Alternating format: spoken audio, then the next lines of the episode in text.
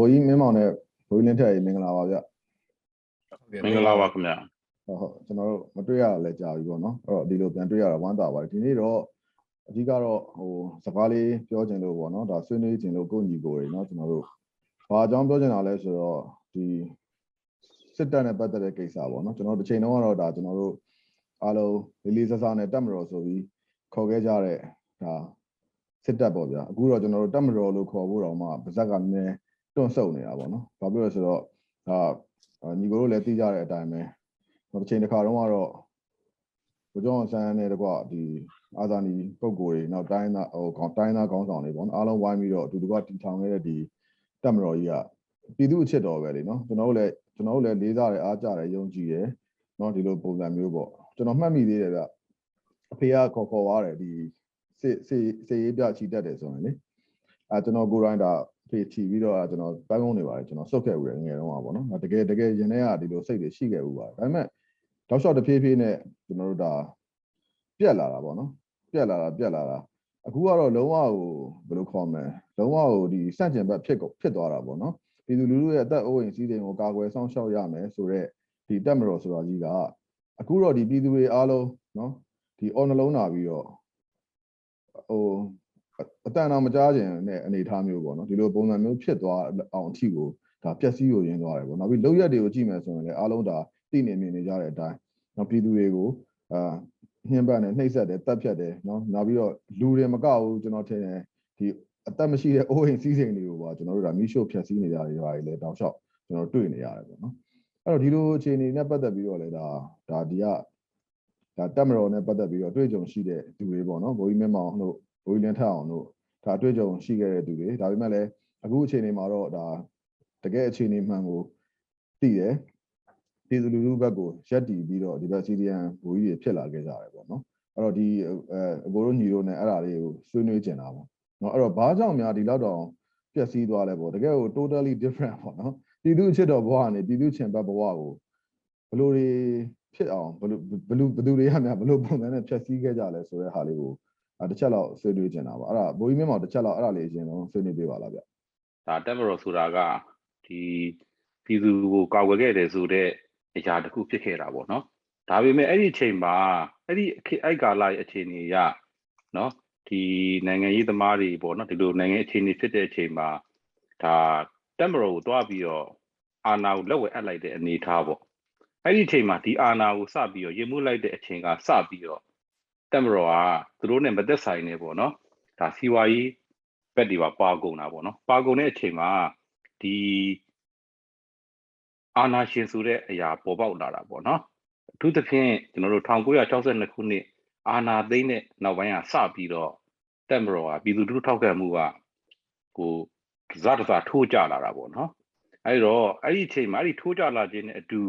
ကျွန်တော်တို့ပိုတိတာလာတာကကြတော့ ဒါ1988ခုနှစ်ဒါလူလူရှာမှုပေါ်ပေါက်လာတယ်ပေါ့နော်အဲ့ကာလမှာဆိုရင်အဲ့မတိုင်ခင်မှာလည်းကျွန်တော်တို့ဒါတမိုင်းကြောင်းတွေကိုကျွန်တော်တို့ဒီလာတိတလောက်ပြောရမယ်ဆိုရင်ဒါ1984ခုနှစ်ဟလားဥတန်ရေးခင်းနေတို့မှန်းရပြီးရေးခင်းနေမှာဆိုရင်လည်းပဲစစ်တပ်ကတကယ်ကိုပြည်သူလူထုကိုပေါ့ဗျာဒါလူမဆန်စွာတက်ချက်ခဲ့တယ်ဆိုတာတော့ကျွန်တော်တို့တမိုင်းနေမှာလည်းဖက်ခဲ့ရတယ်ပေါ့နော်အဲ့ဒီအချိန်ကစပြီးတော့တက်မတော်ပေါ်မှာလူထုထောက်ခံမှုကကျဆင်းလာတယ်ပေါ့နော် ဒါ88ခုနှစ်မှာလည်းပဲဒါကဒီတက်မတော်ဟာနော်တက်မတော်ဆိုတာဒီစစ်ဘလူးတွေပေါ့ဗျာဒါရင်အဲ့ရှေ့ကာလတွေတုန်းကဒါဥနေဝင်းကနေပြီးတော့ဗိုလ်ချုပ်နေဝင်းကနော်ကျွန်တော်တို့ဒီတက်မတော်ကိုလက်ကင်တို့ဖြစ်သူစပြီးတော့လုပ်ခဲ့တယ်လုပ်ခဲ့ပြီးအချိန်မှာနိုင်ငံကအလုံးစုံပေါ့ဗျာတကားပိတ်ဝါဒနဲ့အတူနိုင်ငံကလည်းအလုံးစုံချွတ်ချုံကျသွားတယ်အဲပြီးတော့88ရေခေထပ်ဖြစ်တယ်အဲ့တော့အဲ့ဒီ အာနာရှင်ကနေပြီးတော့နောက်အာနာရှင်တယောက်ကိုလက်လွဲပေးလိုက်တဲ့အနေအထားဖြစ်သွားတယ်ပေါ့နော်အဲ့တော့အဲ့ဒီကနေတဆင့်တခါကျွန်တော်တို့ဒါ2010ဖြစ်လာတယ်အဲ့ဖြစ်လာတဲ့အချိန်မှာလည်းဒါကလည်းပဲဒီတက်မတော်ကနော်တကယ်ကိုသူ့ရဲ့ professional ဖြစ်တဲ့ကာကွယ်ရေးဘက်ကိုမပါဘဲနဲ့မလုပ်ဖဲနဲ့နော်သူ့ရဲ့ profession နဲ့မဆိုင်တဲ့ကျန်တဲ့နိုင်ငံရေးတွေနော်ကျွန်တော်တို့စီးပွားရေးတွေဒါတွေမှာသူတို့ကဝင်ရောက်ဆွတ်ဖက်တယ်ဆွတ်ဖက်ခြင်းအပြင် သူတို့မကြွကျင်တဲ့ level မှာပေါ့နော်သူတို့ကဒီနိုင်ငံတော်ကြီးကိုဒါတပ်ပုံစံဒီသူတို့ကသွားအုပ်ချုပ်လိုက်တယ်အဲ့တော့တပ်ပုံစံဒီအုပ်ချုပ်တဲ့အချိန်မှာဒါကလည်းလက်ခံပြီးလို့ရသေးတယ်ဘာဖြစ်လို့လဲဆိုတော့တီနီအောင်လုပ်တယ်ဆိုတဲ့အရာကိုကျွန်တော်တို့ကလက်ခံပြီးလို့ရသေးတယ်သို့တော့အဲ့ဒီရဲ့နောက်ကွယ်မှာအဲ့ဒီအာနာရှင်နဲ့နောက်လိုက်နောက်ပါတွေကသူတို့ရဲ့ကိုကြိုးစည်းဝါအတွက်အကုန်လုံးကိုနိုင်ငံတော်ကြီးကိုအသုံးချပလိုက်တာပဲအဲ့ဒီကစပြီးတော့အခုချိန်မှာဆိုရင်တက်မတော်နဲ့ပြည်သူနဲ့ကဒါပြရာဒရန်တန်တလန်ဖြစ်သွားတာပဲ ဒါကြောင့်မလို့လေအခုဒီနေ့ဒီချိန်မှာဆိုရင်ဒီ2021မျိုးတော်လိုင်းဖြစ်တဲ့အချိန်မှာပြည်သူတရက်လုံးကဒါစစ်တပ်ဟေ့ဆိုပြီးအတန်ကြားလိုက်ပြီဆိုတာနဲ့တကယ်ကိုအလိုလိုနေယွံမုန်းတဲ့အဆင့်ပေါ့ဗျာပြည်သူချစ်တဲ့အခြေအနေကိုပြည်သူချစ်တဲ့အခြေအနေမဟုတ်တော့ဘဲနဲ့ပြည်သူကအလွန်တရာဆက်ဆုပ်မုန်းတီးတဲ့ဒါအကြမ်းဖက်စစ်တပ်အဖြစ်ကိုဒါတနိုင်ငံလုံးကရှုမြင်သွားတဲ့အနေအထားကိုကျွန်တော်တို့တွေ့ရတာပေါ့ဗျာဟုတ်ကဲ့ဟုတ်ကဲ့ဟုတ်ကဲ့ဘိုးကြီးမင်းအောင်ပြောသွားတဲ့အထက်မှာဆိုရင် အာကျွန်တော်ပြန်ဆွေးနွေးကျင်စရာတွေလည်းအများကြီးတွေ့ရတယ်ပေါ့နော်အဓိကတော့ဟို professional professional အလုပ်ကိုမလုပ်ဘဲနဲ့ professional တက်ပို့တဲ့ပေါ့နော်ဒါတက်မတော်ဆိုတာဒါတက်မတော်ရဲ့အဓိကအလုပ်ကပြည်သူလူထုကိုပြည်သူလူထုအသက်အိုးအိမ်စီးစိမ်ကိုကာကွယ်ဆောင်ရှောက်အောင်ပဲပေါ့နော်ဒါပေမဲ့အဲ့ဒီထက်ကြော်ပြီးတော့ကျွန်တော်တို့ကဟိုနိုင်ငံရေးတွေဝင်ပါတဲ့ကိစ္စမျိုးတွေအဲနောက်ပြီးတော့နောက်ပြီးနောက်တစ်ခုကတော့ဗာလဲဆိုတော့ဟိုဘယ်လိုခေါ်မလဲ professional အလုပ်တစ်ခုကိုမခံယူအလုပ်တစ်ခုလို့မခံယူတော့ဘဲနဲ့တော့ဘာဘာဖြစ်ဘယ်လိုဟာမျိုးကို idea မျိုးတွင်းခဲ့လဲဆိုတော့ getting ရှင်ပေါ့ getting ရှင်ငါတို့က getting ခဲ့ရတယ်ငါတို့ကလွတ်လပ်ရေးကိုရယူပေးခဲ့တယ်သူအပေါ်မှာနေခြင်းတဲ့အနေအထားမျိုးလေးတွေပေါ့ဒါလေးတွေလည်းကျွန်တော်တို့တွေ့ရတယ်ပေါ့နော်အဲ့ဒါဒါတွေလည်းနောက်နောက်ထပ်ပြီးရင်ကျွန်တော်ပြန်ပြီးတော့တစ်ချက်ဆွေးနွေးပါအောင်မယ်အဲ့တော့လင်းထက်ဘိုးကြီးလင်းထက်ကောဘယ်လိုဘယ်လိုသဘောရလဲဘာကြောင့်များဒီတော့တော့တက်မတော်ကြီးကတုတ်ပြတ်တက်သွားတာလဲပေါ့နော်ဟုတ်ကဲ့ဟို ရှိမှာဟိုအကိုပြောရတဲ့အထဲမှာလည်းပါတယ်ပေါ့နော်အရင်တော့အကိုကိုကိုတို့ငငယ်တော့ဆိုဒါဆေးပြပွဲတွေမှာကိုယ်တိုင်ပန်းကုန်းစွတ်ပေါ့နော်ဒါမိဘတွေနဲ့အတူတူဆိုပြီးတော့လှုပ်ခဲ့တာတွေလည်းရှိတယ်ပေါ့နော်ဒါပြောရရင်အက္ကလာတွေတော့တကယ်ကိုကျွန်တော်တို့ပြည်သူတွေကတက်မတော်ကိုတကယ်ချစ်ကြတယ်ပေါ့နော်အဲတက်မတော်ကိုတကယ်ချစ်ကြတယ်အားကိုးကြတယ်ပေါ့နော်အဲတော့ဒါပေမဲ့နောက်ပိုင်းကာလတွေမှာဒါကျွန်တော်တို့ဆိုပေါ့နော်ဟို2010နောက်ပိုင်းပေါ့နော်ဟိုစစ်တပ်မှာအရာရှိဖြစ်ခဲ့တဲ့သူတွေပေါ့နော်အဲတော့ဟို အဲ့ဒီလိုတက်မတော်တစ်ခုကဘာကြောင့်အဲ့လိုမျိုးပေါ့နော်ဟိုကျွန်တော်တို့အခုခုအခြေအနေလောက်ထိဖြစ်သွားတာလဲဆိုပြီးတော့ပေါ့နော်ကျွန်တော်တို့ကျွန်တော်လည်းတွေးကြည့်ရပေါ့နော်တွေးကြည့်ရတာကျွန်တော်ဆိုရင်2008ခုနှစ်မှာစစ်တပ်တွေရောက်တယ်ပေါ့နော်2008ခုနှစ်မှာ DSC စတက်တယ်စတက်တဲ့အချိန်မှာပဲကျွန်တော်တို့အရတားဘွားကအဲတိခဲ့ရတာတွေရှိတယ်နောက်ပြီးတော့စစ်သားဘဝမှာတည်ခဲ့ရတယ်ရှိတယ်ကျွန်တော်တို့ဘူလောင်းတင်တန်းတွေဘဝမှာဆိုကျွန်တော်တို့ရဲ့ဘူလောင်းဘဝမှာကိုတဲက ကျွန်တော်တို့ဘူလောင်းတွေကိုရိုက်သွင်းပေးတဲ့အရာတွေရှိတယ်ပေါ့နော်အရာတွေရှိတယ်ဒါကဟိုကျွန်တော်တို့ဥပမာကျွန်တော်တို့ DSC ဆိုရင်ဒီ DSC ကထွက်တဲ့အရာရှိဒီနိုင်ငံကိုအုပ်ချုပ်မင်းလုပ်မဲ့ခေါင်းဆောင်တွေအထိမွေးထုတ်ပေးနိုင်တယ်ဆိုတဲ့အရာတစ်ခုကိုကျွန်တော်တို့သွင်းထားရရှိတယ်အဲ့တော့ကျွန်တော်တို့ဘူလောင်းတွေမှာကျွန်တော်မှမဟုတ်ဘူးဒါအခုချိန် DSC တက်ဖူးတဲ့ကောင်တွေအကုန်လုံးတည်တယ်ဗောနော်ဟိုကျွန်တော်တို့ကပဲနိုင်ငံကျွန်တော်တို့ပါဝင်မှပဲဒီနိုင်ငံကြီးက ပေါ့နော်ဟိုတိုးတက်မှလို့လို့ကျွန်တော်တို့အုပ်ချုပ်မှပဲနိုင်ငံကြီးကစနစ်ကျမှလို့လို့ဆိုပြီးတော့အဲ့လိုအတွေးမြင်ကိုကျွန်တော်တို့ဘူလောင်းဘွားတွေကရောက်နေတဲ့ဥစ္စာတွေရှိတယ်ဒါပြောရရင်စနစ်တကျကိုဒါပေါ့နော်ကျွန်တော်တို့ရဲ့ဟိုအယူခံပေါ့နော်ဟိုအဲ့ဒီအမှန်ဆုံးပြောရင်ဘယ်သူမှတော့ဒါ10တန်းအောင်မြင်ပြီးသားအချိန်16နဲ့18နှစ်နှစ်ဆိုတဲ့အချိန်ကလုံးဝကိုရိုးရှင်းတဲ့အချိန်တစ်ခုပါဖြူလဲဖြူစင်သေးရဲ့လို့ကျွန်တော်တို့ပြောလို့ရပါဘောနော်အဲဒီလိုအချိန်တစ်ခုမှာသူတို့ကကျွန်တော်တို့ရဲ့အတွေးတွေတွေကိုဒီလိုဝါဒတွေဒီလိုဥစ္စာတွေ အတွေးတွေကိုရိုက်သွင်းလိုက်တာပေါ့နော်အဲ့တော့ဟိုကျွန်တော်တို့တွေ DSC ဆင်းတယ်ဆင်းပြီးတော့ဒါအရာရှိဖြစ်ကသားတွေမှာတက်တီရောက်တဲ့အခါမှာလည်းအရာရှိတွေရဲ့အတွေးမြင်နေသည်ပေါ့နော်အရာရှိတွေရဲ့အတွေးမြင်နေသည်ပေါ့နော်ငါတို့ဒီအရက်ဖက်အုပ်ချုပ်ရေးကိုငါတို့တွေစစ်တပ်ကဝင်ရောက်ပါဝင်မှရမယ်ဒါမှသာဒီအရက်ဖက်အုပ်ချုပ်ရေးကတိုးတက်မှာပေါ့နော်တခြားအရက်ဖက်ကသူတွေရဲ့အတွေးတွေဒီငါတို့အတက်ကအတွေးလောက်မကောင်းဆိုတဲ့အမြင်ရှိတယ်ပေါ့နော်နောက်ပြီးရင်ဟို ဥမာပေါ့ကျွန်တော်တို့မျိုးနယ်အုပ်ချုပ်ရေးမှုတယောက်ဒေါက်တာဘွဲရတာပဲဖြစ်ပါစေတခြားဘွဲရတဲ့သူတွေပဲဖြစ်ပါစေသူအတွေးသူအမြင်သူ့ရဲ့ဟိုဟာတွေကသူ့ဘာသူရှိတယ်ဒါပေမဲ့ဟိုကျွန်တော်တို့တွေကသွားပြီးတော့အမှသွားဆွတ်ဖတ်မင်းကအုပ်ချုပ်ရေးမှုအဆင့်ပဲရှိပါတယ်ပေါ့နော်အဲငါတို့ကဘယ်လောက်ထိလုံနိုင်တယ်ဆိုပြီးတော့ဒီလိုမျိုးပုံစံတွေလည်းရှိတယ်ဒါဟိုကျွန်တော်တို့စစ်တပ်တယ်မရောက်ခင်တည်းကဒီလိုမျိုးအတွေးမြင်တွေကရှိနေတာပေါ့နော်စစ်သားတိုင်းလူလူဟိုဟာအရာရှိတိုင်းလူလူမှာက ရှိနေတာပေါ့နော်ရှိနေတဲ့အတွက်ကြောင့်မလို့သူတို့ကဒီအရက်ဘက်အုပ်ချုပ်ရေးတွေကိုဝင်ရောက်ဆွတ်ဖက်မှုတွေကလည်းတဖြည်းဖြည်းများပြားလာတယ်သူတို့ပါဝင်ကယ်တင်မရမယ်ဆိုတဲ့အရာတွေကလည်းဖြစ်လာဖြစ်လာတဲ့အချိန်မှာဟိုတက်တွင်းမှာကိုတက်တွင်းမှာလည်းပေါ့နော်ဒီလိုမျိုးအတွေးအမြင်ဝါဒတွေကိုဇက်တိုက်ဇက်တိုက်ဇက်တိုက်ဇက်တိုက်နောက်မျိုးဆက်တွေကိုဇက်တိုက်ဒီဝါဒတွေတွတ်သွင်းတဲ့အချိန်မှာတက်မတော်တွင်းမှာတာဝန်ထမ်းဆောင်တဲ့သူတွေအားလုံးဒီငါတို့ဒီနိုင်ငံရဲ့ကယ်တင်ရှင်းဆိုပြီးတော့ အတွေးတွေရောက်သွားတယ်ဒါကျွန်တော်တို့အရာရှိမှမဟုတ်ဘူးစစ်သားတွေမှာလည်းဟိုအောက်ခြေစင်တပ်သားတွေမှာလည်းအဲ့လိုအတွေးရှိတယ်အဲ့လိုအတွေးရှိတယ်ငါတို့ကရွာတွေကိုဝင်ပြီးတော့တက်တက်ဆွဲထားမှငါတို့ကဒီရွာရဲ့ရက်ရွာလုံခြုံရေးအေဂျင့်တာယာရေးကိုငါတို့ကလုပ်ပေးနိုင်မှာဆိုပြီးတော့ဒီလိုအတွေးတွေလည်းအောက်ခြေတပ်သားတွေမှာစရှိတယ်ပေါ့နော်အမှန်တကယ်တော့အဲ့ဒါကျွန်တော်ဖြတ်တန်းခဲ့ရတဲ့စစ်အတွေ့အကြုံစစ်တပ်အတွေ့အကြုံကပြောမယ်ဆိုရင်ရွာတွေကကျွန်တော်တို့ရောက်မှပို့ပြီးတော့စိုးသွားတာပေါ့နော်ရွာတွေကကျွန်တော်တို့ရောက်မှပို့ပြီးတော့စိုးသွားတယ် ဒါအခုခေတ်စစ်သားတွေအကုန်လုံးသိတယ်ဘာလို့လဲဆိုတော့သူကသူ AC တနေ့တာကို AC ဖြတ်တန်းလာတဲ့ဟိုတောသူတောင်သားကြေးရွာသူကြေးရွာသားတွေဆိုကျွန်တော်တို့စစ်တပ်ဝင်လာပြီဆိုရင်ကိုပစ္စည်းတင်ရတာနဲ့ဒီပစ္စည်းတင်ရတာနဲ့ပေါ့နော်နေအ ਨੇ ဆုံးသူတို့ရဲ့တနေ့တာလှုပ်ရှားမှုပုံစံလေးရတာအ ਨੇ ငယ်ပြောင်းသွားတယ်နောက်ပြီးတော့ကျွန်တော်တို့ရက်ရွာတွေမှာတဲကိုရဖုန်ကြီးကျောင်းသားဆိုမလာရဲတာတို့အဲပေါ့နော်ဒီလိုမျိုးပုံစံလေးပေါ့နော်အဲ့လိုမျိုးပုံစံတွေအစားရှိတယ်ဒါရက်ရွာတရားနဲ့ပဲကျွန်တော်တို့တွက်တာပေါ့နော်ဒါတခြားနိုင်ငံအနှံ့မှာဒီလိုမျိုးပုံစံတွေကအများကြီးဖြစ်လာဖြစ်လာပြီးတော့ပေါ့နော် ဟိုစစ်သားဆိုတဲ့မျိုးကရက်ရွာတဲ့အကြောင်းရဲ့ပုံစံတစ်မျိုးစစ်တပ်ထဲကြရင်လည်းပုံစံတစ်မျိုးရှိပါတယ်ပေါ့နော်အဲ့တော့ရက်ရွာရဲ့ဒီလုံခြုံရေးတွေမှာဝင်ရောက်နှောက်ယှက်တယ်အာဏာတွေပြတယ်ပါဝါတွေပြတယ်နောက်ဆုံးလက်လွန်တာတွေရှိတယ်အုပ်ချုပ်ရေးမှာဝင်ရောက်ဆွတ်ဖက်မှုစကားတွေလွန်တာတွေရှိတယ်ဒီလိုအရာတွေကိုပြီးရင်အမိန့်တွေအာဏာတွေနဲ့ဖျက်ဆီးပလိုက်တယ်ပေါ့နော်ဒါတွေကပြောရရင်ကျွန်တော်တို့ဟိုလူလူရဲ့စစ်တပ်ကိုမုန်းနေတဲ့အမုန်းတွေကိုပူဝါးစေတယ်လို့ကျွန်တော်ကတော့ မြင်မိတယ်ပေါ့နော်ဒါတွေကပဲအခြေခံခဲ့တယ်လို့ကျွန်တော်ကတော့မြင်တယ်ပေါ့နော်ဒီလိုမျိုးတွေကြောင့်ပဲပေါ့နော်ကျွန်တော်တို့ဟိုဒါကျွန်တော်တို့ဒီအခုနောက်ပိုင်းမှာဒါဒီ2021မျိုးတော်လိုင်းမှာဒါစစ်တပ်ရဲ့အပုတ်တွေအဲတခြားဥစ္စာတွေအများကြီးကပေါ်ထွက်လာတာကျွန်တော်အရင်တော့တုံးနွေးနွေးဟိုတသားဒီတသားပဲပေါ်ခဲ့တာအကုန်လုံးမပေါ်ခဲ့နောက်ပြီးတော့ပြောရေးပြောခွင့်ဆိုခွင့်လည်းတိတ်မရှိကြတဲ့ကြတော့လူတွေကဒါတွေကိုတိတ်မသိကြဘူးအခုကျမှပေါ်လာတာပေါ့နော်ဒါပေမဲ့အဲ့အချိန်တွေကသူကျွန်တော်တို့ အဲ့လိုစစ်တပ်ရှိနေတဲ့နေမီဒေသကလူတွေကဒီလိုမျိုးအတွေ့အကြုံတွေနဲ့ခံစားခဲ့ရတာပေါ့နော်ခံစားခဲ့ရတော့ဒီလိုမျိုးကြီးလည်းဖြစ်လည်းဖြစ်ပေါ့တက်မတော်ဆိုတာကျွန်တော်တို့နိုင်ငံမှာလက်ရှိတက်မတော်ကြီးမရှိလို့မရှိမှအေးမယ်ဆိုတဲ့အတွေ့မျိုးကိုဟိုလုံးဝကိုရောက်သွားတဲ့ပုံစံလို့တော့ကျွန်တော်ကတော့ဟိုထင်တယ်ပေါ့နော်ဒါတကယ်လည်းဖြစ်တယ်လို့ပဲကျွန်တော်ယူဆတယ်ဟုတ်ဟုတ်လင်းထက်ကျေးဇူးပါလင်းထက်ပြောမှာပဲဟိုလူရှင်တော်တွေ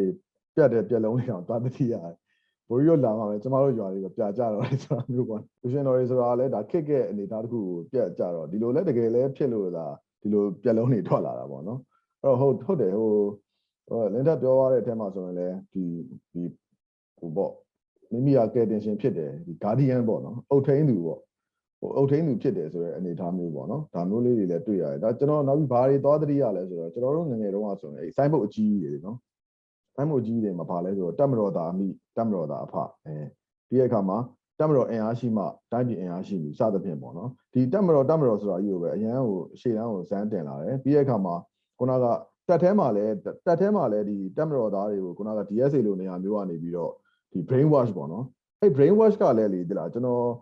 ကျွန်တော်တို့ကတော့ဒီပုံမှန်ဒီပညာရေးစနစ်မှာဆိုတော့တိတ်အဲ့ဒါကိုနားမယ်ဒါပေမဲ့နောက်ပိုင်းပြန်ပြီးဖတ်ကြည့်တဲ့အခါမှာသူ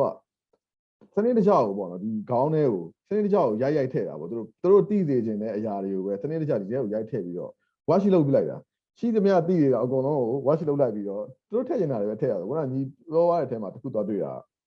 ခုနက10တန်းအောင်စားနော်ဟိုတိတ်လဲဟိုအများကြီးလဲတိတ်မသိသေးတဲ့အချိန်အဲ့ဒီအချိန်မှာမှခုနက DSA ကဒီလိုကိစ္စမျိုးတွေကိုရိုက်ထည့်တယ်ဆိုတဲ့နေရာမှာအားလုံးကအဲ့ဒီအတွေးခေါ်တွေနဲ့ဒါဒါရှင်ပါသွားတယ်ပေါ့ဒါပေမဲ့လည်းတကယ်တမ်းဖောက်ထွက်လာတဲ့လူတွေအများကြီးရှိပါတယ်နော်ဒါပေမဲ့အဲ့အဲ့လိုဖောက်ထွက်လာတဲ့လူတွေရှိပေမဲ့လည်း အဲကျွန်တော်ထင်တာတော့အဲ့လိုလူတွေလည်းဒါတနည်းနည်းနဲ့တော့အထဲမှာရှင်းထုတ်ပြင်ပါပဲလို့ကျွန်တော်တော့ထင်တယ်ပေါ့နော်အဲ့တော့အဲ့အဲ့ဒါလေးကိုလည်းလေဟိုဗိုလ်ကြီးမင်းမောင်တစ်ချက်လေးပြန်ပြီးဆွေးနွေးပေးပါဦးကျွန်တော်တို့အမြင်ကတော့လေဒါတက်မတော်ဆိုတာတီးခြား guardian မဟုတ်ဘူးဗျာနော်ဟိုသူ့ဘာသူ professional အလုပ်တစ်ခုဒါဥမာဗျာကျွန်တော်တို့ဆယ်တန်းအောင်တယ်ဆရာဝန်လုပ်ရှင်တဲ့လူကလုပ်မယ် engineer လုပ်ရှင်တဲ့လူကလုပ်မယ်တက်မတော်တဲကိုဝင်ပြီးတော့တက်မတော်သားလုပ်ရှင်တဲ့လူကလုပ်မယ် that is one of the professional ပဲ ဟိုဘာမှ तू က guardian ရှင်လည်းမဟုတ်ဘူးအုတ်ထင်းသူလည်းမဟုတ်ဘူးဘာမှအုတ်ထင်းဆရာအကြောင်းလည်းမရှိဘူးအုတ်ထင်းခွင့်လည်းဘယ်သူမှမပေးထားဘူးနော်နောက်ပြီးတော့ဒီတက်မတော်သားဖြစ်သွားတာနဲ့ပဲကျန်တဲ့လူတွေအားလုံးထက်မြင့်တစ်ဆင့်မြင့်ပြီးတော့အပေါ်မှာရှိနေတယ်ဆိုတော့ကိအတွေးခေါ်မျိုးပေါ့ဒီအတွေးခေါ်မျိုးကဒီလိုမျိုးကျွန်တော်တို့လက်ရှိဥပမာပြောရင်တော့ဂျင်းပေါ့ဗျာဂျင်းထည့်ခံထားရတာပေါ့နော်အဲ့တော့တက်မတော်သားတွေကိုလည်းဂျင်းထည့်လို့တစ်ဖက်ကပြည်သူတွေကိုလည်းအဲ့အဲ့ဒီဂျင်းကိုထည့်တာပေါ့ဘာဖြစ်လို့လဲဆိုတော့တက်မတော်မထိနဲ့မကင်နဲ့နည်းနည်းလေးတိုးမိထိမိရနဲ့ ပြဿနာတက်သွားမယ်ဆိုတဲ့ဟာတွေကတောက်လျှောက်ဖြစ်ခဲ့တာလေနော်ဒါကျွန်တော်တို့ဒါကြုံခဲ့ရတဲ့အနေအထားမျိုးတွေရှိတယ်ပေါ့နော်အဲ့တော့အဲ့ဒီရင်းကြီးကဟိုလွယ်လွယ်နဲ့တော့ဟိုဟိုကျွန်တော်တို့ဒါဖြောက်ဖို့တော့ခက်မယ်ပေါ့နော်အဲ့တော့ဟိုဘိုးကြီးကိုဆွေးနွေးစေချင်တာကဒီလိုမျိုးအာတိုးဖွံ့ဖြိုးတိုးတက်နေတဲ့ခေတ်ကြီးမှာအဲ့ဒီဂျင်းကြီးကတကယ်ရောလက်ခံနိုင်ကြအကြောင်းရှိလားပေါ့နော်ပြီးရင်ကျွန်တော်ဘယ်လိုပုံစံမျိုးနဲ့ဒီဟာတွေကိုကျွန်တော်တို့ခြေပြတ်မယ်ဆိုတာလေးနည်းနည်းဆွေးနွေးပြပါအောင်ဗျ။အော်ဟုတ်ကဲ့ပါအဲသူတို့အသုံးပြုနေတဲ့ဟာပေါ့နော် အဲတက်မရောသားမိတက်မရောသားဖပေါ့နော်နောက်တစ်ခုကကြတော့ဟိုတက်မရောအင်အားရှိမှတိုင်းပြည်အင်အားရှိမီတို့ဒီစကားရက်တွေကိုသုံးနေကြနောက်တစ်ခုကကြတော့တက်မရောမရှိဘူးဆိုတိုင်းပြည်ပြိုကွဲမယ်ပေါ့နော်ဒါမျိုးတွေကိုသူတို့ကသုံးခဲ့ကြတာပေါ့နော်တကယ်တော့ဗျဒီတက်မရောရှိနေလို့နော်တိုင်းပြည်မပြိုကွဲဘူးဆိုတဲ့စကားနောက်တစ်ခုကတက်မရောအင်အားရှိမှတိုင်းပြည်အင်အားရှိမယ်ဆိုတဲ့စကားအဲ့ဒါရမဟုတ်ဘူးဗျတကယ်တမ်းပြောရရင်လေအဲ့တော့အဲ့မလို့ခုလုံးလုပ်ပြီးတော့ပြောတဲ့စကားတွေပဲဗျတကယ်တမ်းပြောရမယ်ဆိုရင်လေ တကယ်တော့အဲ့ဒီစစ်အာဏာရှင်ခေါင်းဆောင်တွေနော်စစ်အာဏာရှင်ကိုယ်တိုင်စစ်အာဏာရှင်တွေခေါင်းဆောင်နဲ့တက်ရှိနေလို့မလို့တိုင်းပြည်ကပြိုကွဲနေတာကိုနှစ်ပေါင်း80လောက်ရှိပြီဗျပေချာပြန်ပြီးတော့ပေါ့နော်ကျွန်တော်တို့စဉ်းစားကြည့်ကြအောင်ဗျာနော်အထူးသဖြင့်ကျွန်တော်ခုနကပြောသလိုပဲပေါ့ထောင်ခုနောက်ပိုင်းမှာဆိုပိုးပို့ပြီးတော့စိုးလာတယ်နော်ဒီကနေ့ကျွန်တော်တို့တိုင်းရင်းသားလက်နက်ကင်တပ်ဖွဲ့တွေတော်လန်တိုက်ခိုက်နေတယ်ဆိုတာကကျွန်တော်တို့နိုင်ငံရခြားနေပြီးတော့အမြောက်ကြီးတွေနဲ့လှမ်းထုနေတာမဟုတ်ဘူး ကျွန်တော်တို့နော်ပြည်တွင်းမှာပဲတိုက်ခိုက်နေတာနော်အဲ့ဒါပြိုကွဲနေတာပဲဗျတကယ်တမ်းပြောရမယ်ဆိုရင်လေနေမီအဖြစ်သိရင်သိမယ်နော်ဘလောက်ပဲသေးသေးဘလောက်ပဲကြီးကြီးနော်ကျွန်တော်တို့တိုင်းရင်းသားစီလုံးညီညွတ်ရေးပဲပြောပြောတိုင်းပြည်အခြေအနေနော်တိုင်းပြည်အခြေအနေပြိုကွဲနေရပဲတိုင်းပြည်အခြေအနေပြိုကွဲနေပဲပြောပြောပါဗျာအာဘာတော့ဘာဖြစ်လို့ပြိုကွဲနေရလဲဆိုတော့ကျွန်တော်တို့ဒီခေါင်းဆောင်မပီတာတယ်နော်အမျော်မြင်မရှိတဲ့ ကျွန်တော်စေနာမရှိတဲ့ဒီစစ်ဘလူးတွေရှိနေတဲ့အတွက်ကြောင့်မလို့အဲ့ဒီလူတွေဥဆောင်နေတဲ့တက်မတော်ကြောင့်မလို့တိုင်းပြည်ပြိုကွဲနေတာပဲတကယ်တမ်းကြတော့သူတို့ရှိနေသမျှကာလပတ်လုံးကကျွန်တော်တို့ကဘယ်တော့မှကျွန်တော်ရင်ကြားစိတ်လို့ရမှာလည်းမဟုတ်ဘူးနော်တက်မတော်ရှိလို့တိုင်းပြည်မပြိုကွဲစေခြင်းရင်အဲ့ဒီတက်မတော်ကကျွန်တော် Federal Army ကျွန်တော်တို့ Federal စစ်တပ်ဖြစ်မှာပဲရလိမ့်မယ်ဒီနေ့ပြည်သူတရက်လုံးထောက်ခံအားပေးတဲ့တက်မတော်တရက်ပေါ်ထွန်းလာမယ်။ နော်တိုင်းရင်းသားလက်နက်ကိုင်တွေနဲ့ပေါင်းစည်းပြီးပေါ်ထွန်းလာတဲ့ Federal Army ရှိမှသာလျှင် Federal တက်မတော်ရှိမှသာလျှင်တိုင်းပြည်မပြိုကွဲဘူးဆိုတဲ့စကားရက်ကမှန်လိမ့်မယ်ဗျ။ဒီစကားနဲ့ပတ်သက်ပြီးပြောရမယ်ဆိုရင်တနည်းအားဖြင့်နော်ခုနပြောတဲ့စကားရက်တွေပေါ့ဗျာ။ဟာတက်မတော်အင်အားရှိမှတိုင်းပြည်အင်အားရှိမည်တို့တက်မတော်သားမီတက်မတော်သားဖားတို့နော်တက်မတော်မရှိရင်တိုင်းပြည်ပြိုကွဲမယ်ဆိုတဲ့စကားရက်တွေကဘာကိုပြောမလဲဆိုရင်တနည်းအားဖြင့်ကျွန်တော်တို့အခုအကြမ်းဖက်စစ်တပ်ထရသူတွေကို propaganda လုပ်တဲ့သဘောပဲဗျနော်တိုင်းပြည်ကိုသာစုစုစည်းစည်းရှိမယ်ဆိုရင်တိုင်းသားလက်နက်ကိုင်တွေကပေါ်လာပြအကြောင်းကိုမရှိဘူးနော်သူတို့သာစေနာမှန်ကန်ခဲ့မယ်ဆိုရင်နော်တစ်ချိန်လုံးကကျွန်တော်တို့ဗိုလ်ချုပ်အောင်ဆန်းချမှတ်ခဲ့တဲ့ပင်လုံဂရီကဝတ်တွေကိုသာတည်ခဲ့မယ်တီးခဲ့မယ်ပေါ့ဗျာတိုင်းရင်းသားအကျိုးစီးပွားတွေနောက်ပြီးတော့တိုင်းရင်းသားတွေရဲ့ဒါကိုယ်ပိုင်ပြဋ္ဌာန်းခွင့်တွေကိုသာကျွန်တော်တို့အလေးထားခဲ့မယ်ဆိုရင်ကျွန်တော်တို့တိုင်းပြည်ကအခုတော့ဘာမှဖျူဖျက်ဖြစ်စရာအကြောင်းမရှိဘူး ဒီကနေ့အသက်ပေးတိုက်ခိုက်နေတဲ့နော်ဒါသူတို့အကြမ်းဖက်စစ်တပ်ကအသက်ပေးတိုက်ခိုက်နေရင်သူတို့စစ်သားတွေလည်းတည်ကြည်ပစ္စည်းစရာအကြောင်းကိုမရှိဘူးဒါကတော့စစ်တပ်တရားရဲဘော်တွေကိုလည်းကျွန်တော်တို့အနေနဲ့သိစေချင်နေကြနော်ကျွန်တော်တို့ဒီလူနည်းစုလက်တဆုပ်စာစစ်အာဏာရှင်တွေပေါ့ဗျာစစ်ဘရင်လုံနိုင်ဖို့အခွင့်ထူးခံနိုင်ဖို့အတွက်ဝါဒမိုင်းသွင်းထားတဲ့ဒါ propaganda ဖြစ်တယ်လို့ကျွန်တော်အနေနဲ့အတိအလင်းပြောလိုတယ်ဗျဟုတ်ကဲ့ဟုတ်ကျေးဇူးပါဗျမှန်ပါတယ်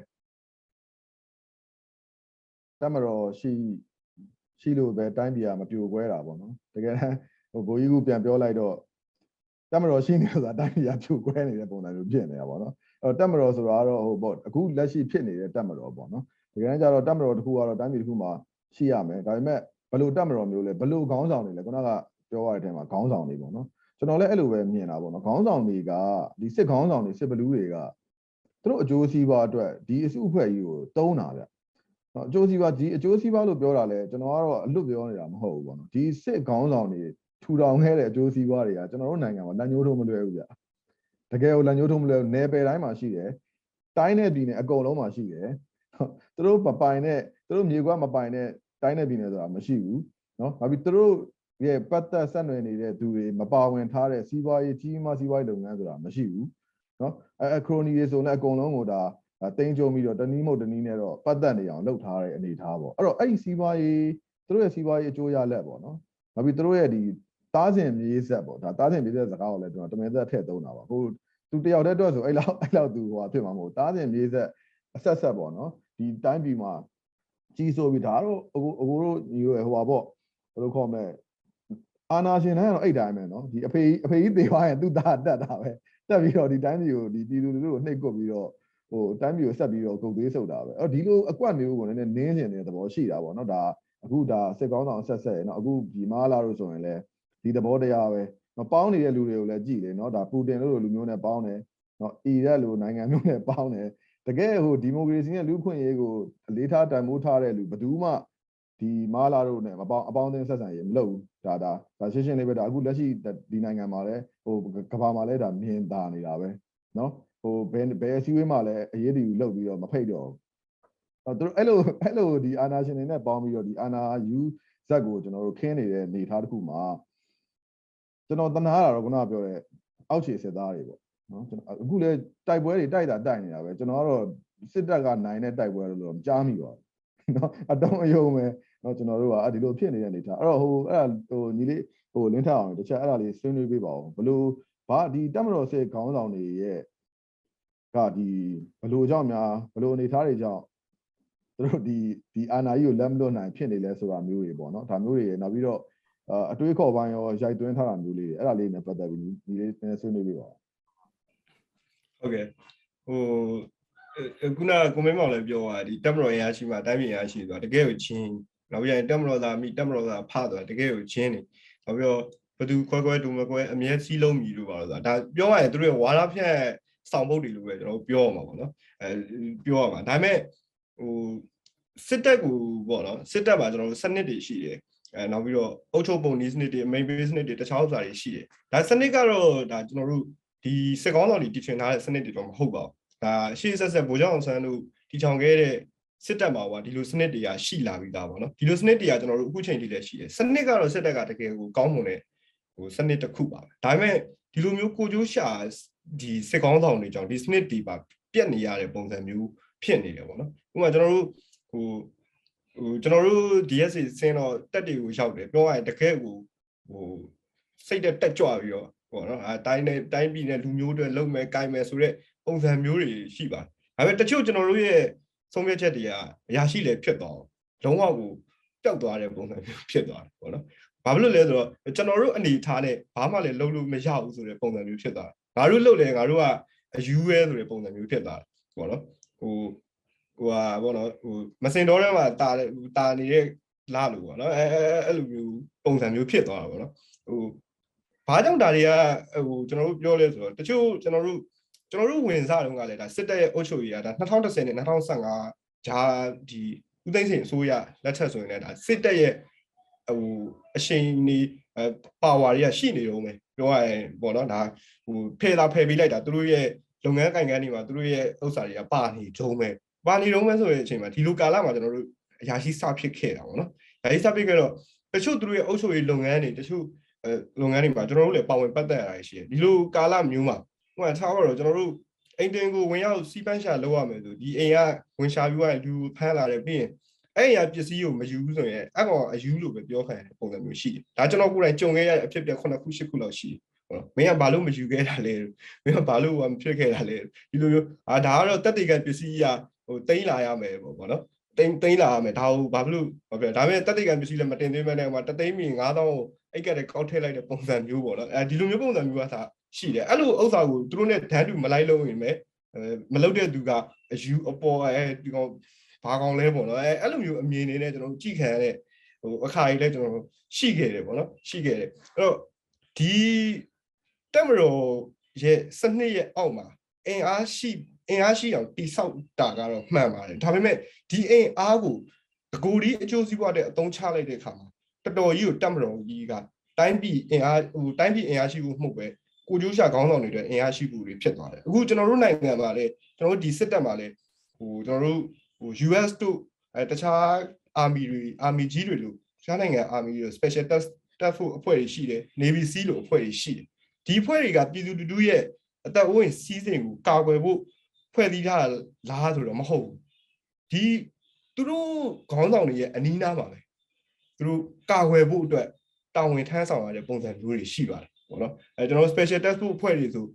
အခုဆိုမရောက်လိုက်နဲ့စိုးဝင်းတို့နားမှာပဲနေရတဲ့ပုံစံမျိုး ပေါ့နော်ဒီဖွဲ့တွေရဲ့တကယ်တမ်းလေ့ကျင့်မှုစွမ်းရည်တွေတခြားစွမ်းရည်တွေဒီတကယ်ကိုပေါ့နော်ပြည်သူလူထုရဲ့အသက်အဝင်စီးတင်ကာဝယ်နိုင်တဲ့အနေအထားရရှိပါ Navy Sea ဆိုလဲထုံထုံနည်း၎င်းပဲဒါပေမဲ့ဒီတပ်ဖွဲ့တွေကဆိုသူတို့ကိုကြိုးတက်ပဲတုံးတယ်သူတို့ရဲ့အိမ်တော်လုံခြုံရေးအဲသူတို့ရဲ့ရုံးလုံခြုံရေးသူတို့ရဲ့အနီးကပ်လုံခြုံရေးရှိတဲ့အင်အားကသူတို့ဒီခေါင်းဆောင်2ယောက်3ယောက်အတွက်ပဲအင်အားကုန်သွားတယ်အဲအဲ့တော့ကျတော့ပေါ့နော်ဒီကျွန်တော်တို့ဒီစစ်တပ်ကအင်အားရှိလာလေလေပေါ့နော်ဟို တိုင်းပြည်အတွက်အကျိုးမရှိလာလေပုံစံမျိုးကြီးဖြစ်သွားတယ်ပေါ့နော်ဟိုဖြစ်သွားတယ်နောက်ပြီးတော့ဒီလိုအင်အားတွေကိုဟိုအတုံးချတဲ့နေရာမှာလေပေါ့နော်ဥမာဟိုကျွန်တော်တို့ကဟိုတက်မတော်ကဟိုကျွန်တော်တို့ဒီ2020ရွေးကောက်ပွဲမှာတော့မှဟိုကျွန်တော်တို့စစ်တပ်အနေနဲ့ဒီပေါ့နော်ဟိုရွေးကောက်ပွဲကြီးကိုပဲအကောင်းဆုံးဖြစ်အောင်လုံခြုံရေးပေးမယ်ဆိုပြီးတော့ပြောခဲ့တာရှိတယ်ဒါပေမဲ့ကျွန်တော်တို့မြေပြင်မှာဖြစ်သွားတဲ့ဥစ္စာတွေဆိုဘာလဲဆိုတော့ဟိုရှေ့တန်းကသူတွေပါဟိုပေါ့နော် နေရာအနှံ့ကမဲပေးနိုင်အောင်သူတို့တွေမဲနိုင်အောင်တက်အရွှေ့ပြောင်းလုပ်တာတွေဒီလိုပုံစံတွေပေါ့နော်အင်အားကိုပြောကျွန်တော်ပြောချင်တာပေါ့နော်သူတို့လူသူတို့အတုံးချပြီးတော့ရွေးကောက်ပွဲကိုလင်းလင်းလဲလှည့်ပြဖို့ပုံစံတွေဒါပေမဲ့အများအမြင်မှာတော့တက်မတော်ကြီးကပဲရွေးကောက်ပွဲကြီးကိုလုံခြုံရေးယူပေးပြီးတော့တကယ်ကို standard ရှိရှိကာကွယ်ပေးနေတဲ့ပုံစံမျိုးကြီးဖြစ်အောင်လုပ်တယ်ဒါပြောရရင် propaganda တစ်ခုလို့လည်းကျွန်တော်ပြောလို့ရတယ်နောက်ွယ်ကသူတို့ရဲ့လှည့်ကွက်တွေအများကြီးလည်းပါဝင်တယ်လို့ကျွန်တော်ပြောလို့ရတယ်ပေါ့နော်အဲအဲ့လိုပဲဟိုမဲထည့်ရမယ်မဲထည့်ရမယ်ဆိုရင်ဟိုပေါ့နော်ဟိုမရှိရှိတဲ့လူတွေပါထည့်ခိုင်းတာမျိုး ပေါ့နော်မှတ်ပုံတွေအတုတွေဟိုသူတို့လိန်ညာလှည့်ပြားတယ်လေမှတ်ပုံတွေအတုတွေမှာကျွန်တော်ထင်တယ်သူတို့ကတန်းနဲ့ရှိပြီးပြောတယ်အဲ့တစ်ဝက်လောက်ကသူတို့ထည့်တာစရင်နေလာတော့တောင်ကျွန်တော်ထင်မိတယ်ပေါ့နော်ဒါပြောလို့မရဘူးတကယ်လည်းဖြစ်နိုင်တယ်ပေါ့နော်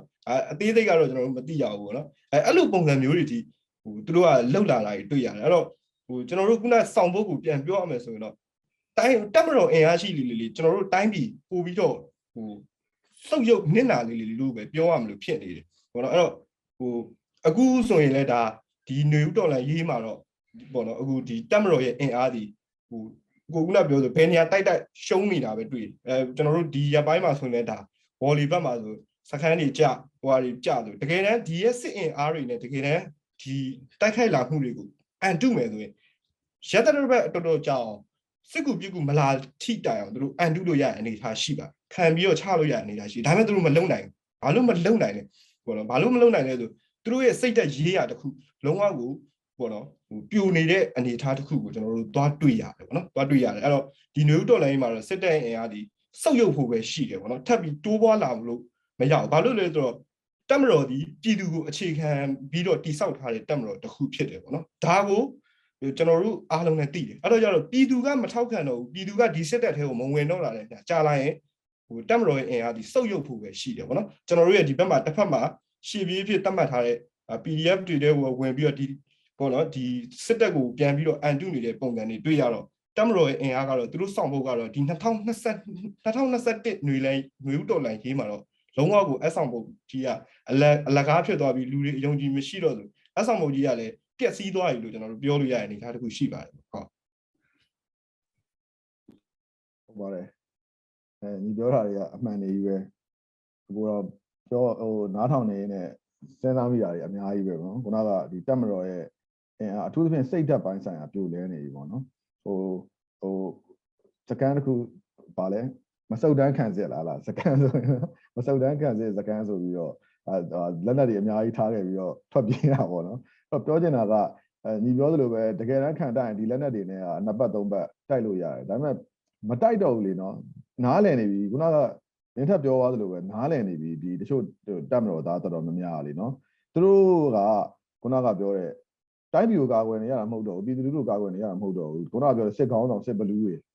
နော်အဲသူတို့ကိုဒီလူတွေကိုပုံကိုရေးရဒီလူတွေကိုကာကွယ်ပေးနေရတယ်ဆိုတဲ့အနေအထားမျိုးပေါ့နော်အခုဘာနောက်တစ်ခုထပ်သွားတတိရလဲဆိုတော့တချင်းတစ်ပုတ်ရှိရလေနော်တို့ပြည်ကြီးကိုကာကွယ်မလေးတို့မြေကြီးကိုကာကွယ်မလေးဆိုတော့လူရှင်တော်တွေဖြတ်ဆိုကြတာလေနော်တို့အဖေကြီးကိုကာကွယ်မလေးတို့အဖေကြီးကိုကာ အဲ့အဲ့လိုဖြစ်နေတာပဲနော်ဟိုပြောနေတာကတကယ်ဒီခေါင်းဆောင်စစ်ခေါင်းဆောင်ကြီးတွေကိုပဲအားလုံးကဝိုင်းပြီးတော့သူတို့ရဲ့အကျိုးစီးပွားတွေခိုင်မြဲရေးသူတို့အာဏာတည်မြဲရေးဒါကိုပဲကာကွယ်နေရတဲ့အနေအထားပေါ့နော်အဲ့တော့အခုဆိုရင်လည်းဗာပဲပြောတာဒါ PDF တွေတော့ရှိလာတယ်အဲ့ PDF ကနေစင်ဘိုးကြီးမင်းမောင်ပြောသလိုပဲချိန်ကြရင်ကျွန်တော်တို့ဒါ Federal Army ဖြစ်လာမှာပေါ့နော်ဖြစ်လာမယ့်အခါဖြစ်လာပြီဆိုရင်တော့အခုလက်ရှိတစားစီပျက်စီးနေတဲ့ဒီဒီစစ်တပ်ကတော့ဒါမင်းအောင်လိုင်တို့ဖျက်ဆီးခဲ့တယ်ပေါ့နော်မင်းအောင်လိုင်တို့လို ဒါစစ်ဘလူးတွေစစ်ကောင်းဆောင်တွေဖျက်ဆီးခဲ့တဲ့ဒီတပ်မတော်ကတော့လုံးဝဒီမျိုးတော်လိုင်းရေးနဲ့ပြီးတာနဲ့ကျွန်တော်တို့ကနေထိတန်ပြီးတော့ကျွန်တော်တို့က Federal Army အစ်စ်နဲ့ပဲကျွန်တော်သွားမှာပဲအဆင်ပြေတော့မယ်လို့ကျွန်တော်ကတော့အဲ့လိုထင်တယ်ဗျအဲ့တော့ဟိုအခုခုနလင်းထက်ဆွေးနွေးရတဲ့အထက်မှာလည်းပါတယ်ပေါ့နော်အကျိုးစီးပွားကိစ္စတွေအဲ့တော့ဘိုးကြီးဘိုးကြီးမင်းမောင်တစ်ချက်ဆွေးနွေးပေးပါဦးဘိုးကြီးမင်းမောင်ကဒီစစ်စေးရဆိုတော့ကျွန်တော်ထင်တယ်တချို့ဒီစစ်ကောင်းဆောင်တွေရဲ့ ဒီစီးပွားရေးအရာဘာတွေများဒီဒီလူတွေဆက်နွယ်မှုတွေရှိလဲဘာတွေများဒီစောက်ထားလဲခုနကဗျာဟိုပေါ့အာနာသိန်းနေဆိုတဲ့ကိစ္စကိုမဲစင်းဖြစ်တယ်လို့နော်နောက်ပြီးတော့ဟိုမဲလိန်တယ်လို့နော်မတမာမှုဖြစ်တယ်ဆိုတာမျိုးတွေကဒါ just excuse ပေါ့နော်ဒါတမင်သက်ရှောက်ပြောနေတာပါတကယ်တမ်းကျတော့ရှင်းရှင်းလေးပါပဲသူတို့ရဲ့အကျိုးစီးပွားထိခိုက်မှာဆိုလို့သူတို့အာနာအဲဟိုဆက်ပြီးတော့မဟုတ်ဆိုးနိုင်မကြီးဆိုးနိုင်မှာဆိုးလို့ဆိုတာဒါကျွန်တော်တို့ကတော့ဒါတိတ်ကိုထင်ရှားတဲ့ကိစ္စပါကျွန်တော်တို့သိထားသလောက်ဆိုရင် မင်းအောင်လိုင်းဟာဒါတိုင်းပြည်ရဲ့အကြီးကြီးမားတဲ့နေရာတစ်ခုကိုရယူခြင်းနဲ့စိတ်နဲ့တွားပြီးတော့ညှိနှိုင်းနေမယ်ဒါဘယ်လိုမှလက်ခံလို့မရလို့ဒါညင်းလိုက်တဲ့အခါမှာဒီလိုမျိုးတွေဖြစ်လာတယ်ဆိုတာမျိုးတွေလည်းကျွန်တော်တို့သိထားရပါတယ်အဲ့တော့ဘုန်းကြီးမင်းမအဲ့ဒါလေးတစ်ချက်ကျွန်တော်တို့ပြောပြပေးပါဦးဒီဒီစစ်ကောင်းဆောင်တွေရဲ့ကြီးပွားရေးရသူတို့ရဲ့ဟိုချီနှောင်မှုတွေပိုင်ဆိုင်မှုတွေပေါ့ဗျာဟုတ်ကဲ့ဗျကျွန်တော်တို့နိုင်ငံရဲ့ပေါ့နော်ဝမ်းနည်းစရာကောင်းတဲ့အ ချက်ပေါ့နော်ကျွန်တော်တို့ဒီလာ district for မြန်မာမှာလည်းဒါတွေကိုထုတ်ထားပါတယ်ကျွန်တော်တို့နိုင်ငံရဲ့စီးပွားရေးရဲ့ပေါ့နော်80ရာခိုင်နှုန်းလောက်ကဒါစစ်ကောင်းဆောင်တွေနဲ့တနည်းတစ်ဖုံနော်ပတ်သက်ဆက်နွယ်နေတဲ့လုပ်ငန်းတွေပဲဗျလုပ်ငန်းတွေဒီပဲတနည်းအားဖြင့်ပြောမယ်ဆိုရင်ကျွန်တော်တို့ဒါဥပိုင်လို့ MECO နဲ့ပတ်သက်ရင်ပတ်သက်ပတ်သက်ဘူးဆိုရင်လည်းရင်အဆက်ဆက်ပေါ့ဗျာရင်အဆက်ဆက်ဒါဗိုလ်ချုပ်တွေရဲ့သားသမီးတွေအခုလက် ရှိစစ်ကောင်းဆောင်တွေရဲ့ဒါသားသမီးတွေသူတို့တွေနဲ့ပဲဒါတွေအကုန်လုံးကဒါချုပ်ကင်ထားတဲ့အရာမျိုးတွေကိုကျွန်တော်တို့တွေ့ရတယ်ပေါ့နော်ဒါရုပ်ဆဆုံးဗျာဟိုကျွန်တော်ပြောတာကဟိုမုံဆိုင်သေးသေးလေးအစဒါသူတို့သားသမီးတွေနဲ့ဆက်ပတ်သက်ဆက်နွယ်မှုတွေအကုန်လုံးကရှိနေတာ哦အဲ့တော့သူတို့ကစစ်ကောင်းဆောင်တွေကဘာကြောင့်မလို့သူတို့တွေကဒါအခုအချိန်မှာပေါ့နော်အာနာကိုဘာလို့ပြန်ပြီးသိမ့်လိုက်တာလဲဆိုတော့အခုပြီးခဲ့တဲ့ဒါ 10နှစ်တာကာလပဲပြောရမှာပေါ့နော်ကျွန်တော်ဦးသိန်းစိန်လက်ထက်ကနေပြီးတော့ကျွန်တော်တို့စပြီးတော့ဒါဒီမိုကရေစီအသွင်ကူးပြောင်းရေးဆိုတာဒါလုပ်ခဲ့တယ်ပေါ့နော်အဲ့တော့ဦးသိန်းစိန်လည်း9နှစ်တာကာလအတွင်းမှာဒါကျွန်တော်တို့လည်းကြားခဲ့တာပဲဒါသူလည်းပဲသူ့အောက်ကဟိုချိုးဟောင်းတွေကိုထိန်းချုပ်နိုင်ခြင်းမရှိခဲ့ဘူးဆိုတာကိုဒါကျွန်တော်တို့ကြားသိခဲ့ရတာပဲလေနောက်ပိုင်းဒီကျွန်တော်တို့ဒါဒေါအောင်ဆန်းစုကြည်တက်လာတဲ့နောက်ပိုင်းမှာသူကတကယ်ကိုနားလေတက်ကျွမ်းတဲ့စီးပွားရေးသမားတွေဝင်လာပြီကြာအဲ့အချိန်မှာသူကတစ်ဖက်နဲ့တစ်ဖက်နဲ့ competitive တွေဖြစ်လာကြတယ် တဲဆန်မှုတွေပြင်းထန်လာတယ်ပေါ့နော်။ဘာလို့ဆိုတော့နိုင်ငံခြားရင်းနှီးမြှုပ်နှံမှုတွေလာတယ်။နောက်ပြီးတော့ကျတော့နိုင်ငံတကာမှာရောက်နေတဲ့လူငယ်လူရွယ်တွေဒါ business ဒီ businessman တွေပေါ့နော်အဲ့ဖွဲ့တွေကပြန်လာကြတဲ့ဆိုတဲ့အချိန်မှာဒါကသူတို့အရင်တုန်းကကြတော့ဒီဘူချုပ်တွေရဲ့သားသမီးတွေသူတို့ ਨੇ ပတ်သက်ဆွနေမှုတွေကပဲဒါတွေကိုလို့သူကပြိုင်ဘက်မရှိထိချုပ်လာတဲ့အနေထားပေါ့ဗျာအဲ့ဒီအနေထားကနေပြီးတော့အခုဒါဒီရသားဆွေးရတက်လာတဲ့ အချိန်တွင်းမှာအဲသူတို့တွေကသူတို့ထင်စိတ်တိုင်းကြသူတို့ထိချုပ်လို့မရတော့ဘူးတလက်စာတွေပဲသူတို့လုပ်ငန်းတွေမှာလည်းဒါနိုင်ငံခြားယင်းနှိမ့်နှံမှုတွေတိုင်ဆိုင်မှုတွေဖြစ်လာတဲ့ဆိုတဲ့အချိန်မှာသူတို့တွေရဲ့ဒါလုပ်ငန်းရဲ့အကျိုးမြတ်တွေကလည်းရော့ကျလာတယ်နော်နောက်တစ်ခုကကျွန်တော်တို့တိတာထင်ရှားတဲ့ချက်ဆိုရင်ကျွန်တော်တို့စီကိုလာကျွန်တော်တာဝန်ကျခဲ့တဲ့နေရာမှာဆိုလူကြီးတွေတာလဲဆိုရင်ငါတို့လာဥပိုင်လုပ်ငန်းတွေကအခြေအနေမကောင်းဘူး MEC လုပ်ငန်းတွေကအခြေအနေမကောင်းဘူး ဥပိုင်ဝင်ငွေထည့်ပါတော့ဒါတွေကိုပဲသူတို့ပြောနေတာကိုကျွန်တော်တို့ကြားရတယ်ပေါ့နော်အဲ့တော့ဘာဖြစ်လို့လဲကျွန်တော်တို့ကဖြေဝရှာကြည့်လိုက်တဲ့အချိန်မှာကိုမကြွကျင်တဲ့နေရာမှာသွားလှုပ်တာဟုတ်ဗျတကယ်ကြွကျင်တဲ့သူတွေနဲ့တွေ့တဲ့ခါကျတော့အလုတ်ကမဖြစ်တော့ဘူးအဲ့တော့ကျွန်တော်သိသလောက်ပါပဲဟိုဒါကတော့အကုန်လုံးတော့ရာခိုင်နှုန်းအဖြစ်တော့မဆိုးလို့ပါဘူးဒီစစ်တပ်ကလာတဲ့ဗိုလ်ချုပ်တွေကသူတို့သားသမီးတွေကိုအဲကျွန်တော်တို့ဒါနိုင်ငံခြားနိုင်ငံခြားကျောင်းတွေမှာသွားတယ်ထားတယ်ဘွဲတွေယူခိုင်းတယ် ပြန်လာတယ်တချို့ကြလည်းပြန်မလာဘူးအဲ့ဒီမှာလုံနေတဲ့အဖွဲ့တွေရှိတယ်ပေါ့နော်ပြန်လာတဲ့လူတွေကြောက်တယ်ဒီမှာတကယ်တကယ်ဖက်နဲ့ချွတ်ချွတ်နော်သူတင်ကိုတင်ရှင်ပြီးတော့လုံမယ်ဆိုရင်သူတို့မှအဲ့လောက်ကြီးမစွမ်းတာဘူးနော်မစွမ်းတာတဲ့ဆိုတဲ့အခြေအနေမျိုးမှာတဖြည်းဖြည်းတဖြည်းဖြည်းနဲ့ဒါပြည်သူတွေကလည်းတောက်ဆိုမှုကမြင့်တက်လာတယ်ပေါ့နော်ဒါဘယ်လုပ်ငန်းတွေမှာဆိုရင်ဥပဒေပတ်သက်နေတယ်ဘယ်လုပ်ငန်းမှာဆို MEC နဲ့ပတ်သက်နေတယ်ဘယ်လူကတော့ဘယ်ဘိုးကျုံနဲ့ပတ်သက်နေတယ်ဆိုတဲ့အခြေမျိုးမှာကြတော့သူတို့တွေကတဖြည်းဖြည်းတဖြည်းဖြည်းနဲ့နောက်ဆုတ်ပေးလာတယ် နောက်တစ်ခုကသူတို့ရဲ့ပိုင်ဆိုင်မှုတွေဖြစ်တဲ့ဟလာမြေယာကိစ္စတွေဆိုတော့လက်လွတ်ဆုတ်ရှုံးလာတယ်အဲ့တော့အဲ့လိုအခြေအနေမျိုးမှာသူတို့တွေကဒီအခြေအနေကိုသူတို့ကပြန်ပြီးတော့ပေါ့နော်သူတို့အရင်ခေတ်ဟောင်းအခြေအနေကိုပြန်ပြီးတော့ငါတို့ထိချုံမှငါတို့အစဉ်ပြေတော့မယ်ဆိုတဲ့အနေထားတရက်ကြောင့်မလို့အခုလိုမျိုးပေါ့ဗျာတိုင်းပြည်ကိုမလွတ်တဲ့မလွတ်ထိုက်တဲ့အရာပေါ့ဗျာကျွန်တော်ပြောမယ်ဗျာအရင်1962ခုနှစ်အာဏာသိမ်းနေဆိုတဲ့အရာကဒါဘာပဲပြောခေါင်းစဉ်တစ်ခုတောင်မှပဲသူတို့အနေနဲ့ဟာလာရှေ့ပိုင်းနေတော့မနီမညွတ်ဖြစ်ခဲ့တယ် တိုင်းပြည်၆တဲကြမယ်ဒါတွေကနည်းနည်းလေးပြည်သူကနည်းနည်းလေးအဲ့ချိန်တော့ဗျာလူတွေကအခုလောက်လေနိုင်ငံရေးမှာသိစိတ်မဝင်စားကြဘူးเนาะနောက်ပြီးတဲ့အခါကျတော့အခုလောက်လေဒီတည်င်းစကားတွေမီဒီယာလည်းမပွင့်လင်းဘူးအဲအဲ့ဒီလိုပဲတစ်ခါ88ခုနှစ်မှာဆိုရင်လည်းပဲကျွန်တော်တို့ပြည်သူလူထုကအရန်ကိုဆင်းရဲကြက်တဲ့အခြေအနေကနေပြီးတော့တကားဖွင့်ဝါဒဆိုလွတ်လိုက်တဲ့အချိန်မှာနည်းနည်းလေးပွင့်သွားတယ်ဆိုတော့နည်းနည်းလူထုလူထုကနိုင်ငံရေးသိစိတ်မဝင်စားတော့ဘူးပေါ့နော်အခု2021မှာကျတော့မဟုတ်တော့ဘူးလေ မြန်မာပြည်ရဲ့အနေထားအညွတ်တလူလူနဲ့တဲ့နေရအဲကျွန်တော်တို့တွေဆိုဒါတွေကိုကြည့်ပြီးတိုင်းပြည်ချင်းတွေကိုကြည့်ပြီးတော့တစ်ထဲမှာနေမယ်လေဟာပွင့်လင်းမြင်သာတဲ့ခေကြီးဖြစ်လာတယ်ဘယ်နေရာကိုသွားသွားပြကိုယ့်ရဲ့ရှိသမျှအည်ချင်းကိုထုတ်လို့ရတယ်ထုတ်တဲ့လောက်လဲနောက်ပိုင်းတက်လာတော့မယ်ဆိုအနေထားဖြစ်လာတယ်ပေါ့နော်ဘာလို့ဆိုတော့အဲ့လိုအခြေအနေမျိုးမှာဟိုမှာသူတို့ကတကယ်ကိုဒါဟိုဘယ်လိုခေါ်မလဲဟိုအကြောင်းပြချက်ခိုင်ခိုင်မာမာမရှိဘဲနဲ့နော် unreasonable ပေါ့နော် unreasonable မဲစင်းကိုအကြောင်းပြပြီးတော့ ဒါတရားမဲ့ကြီးပေါ့ဗျာဒါကြီးကိုအာနာကောက်ပြီးတော့တိမ့်ပလိုက်တာပေါ့ဒီရဲ့နောက်ဆက်တွဲစူးတူးဖြစ်စဉ်ကြောင့်မလို့အခုဆိုမြန်မာပြည်ရဲ့အခြေအနေက GDP ဆိုလဲဒါထိုးကြသွားပြီဗျာနော်နောက်တစ်ခုကတိုင်းပြည်မှာရှိနေတဲ့နိုင်ငံတကာရင်းနှီးမြှုပ်နှံမှုတွေကလည်းတဖြည်းဖြည်းဆုတ်ခွာသွားပြီနော်လူတွေမှာကိုယ်စင်းတို့နေရာလည်းမြင့်တက်လာတယ်ငွေကြေးဖောင်းပွားမှုတွေလည်းမြင့်တက်လာပြီအခုဆိုလျှက်စစ်တာကလည်းအရင်လိုလည်းမပေးနိုင်တော့ဘူး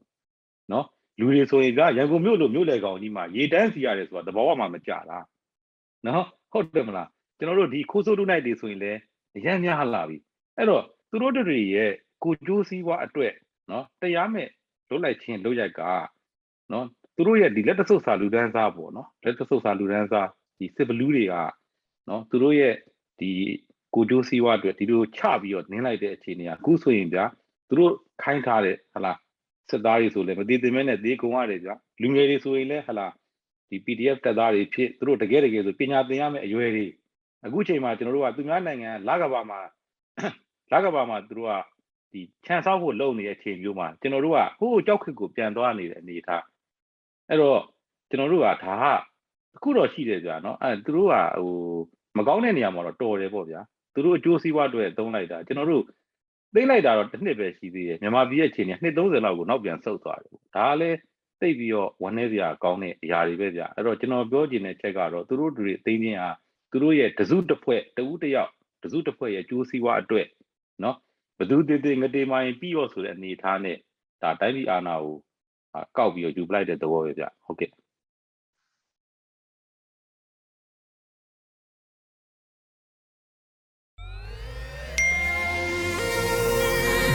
PPTV ကမျိုးတော်လိုင်းရေးဆိုင်ရာအစီအစဉ်ကောင်းတွေကိုရည်စည်တင်ဆက်ပေးနေရရှိပါတယ်။ PPTV ကထုတ်လွှင့်တင်ဆက်ပေးနေတဲ့အစီအစဉ်တွေကို PPTV ရဲ့တရားဝင် YouTube Channel ဖြစ်တဲ့ youtube.com/c/pptv မြန်မာကို Subscribe လုပ်ကြည့်ရှုပေးကြရဖြင့်တော်လိုင်းကိုတစ်သက်တအားဖုန်းမှုပြည်ပြီးပေးနိုင်ပြီဖြစ်ကြောင်းသတင်းအောင်ပါလိုက်ပါရရှင်။စိတ်ရကလစ်တွေနဲ့တော်လိုင်းရေးကိုနိုင်တဲ့ဘက်ကထိတ်ဆက်အားဖြစ်လိုက်ကြအောင်ပါ။အရေးတော်ပုံအောင်ရမည်။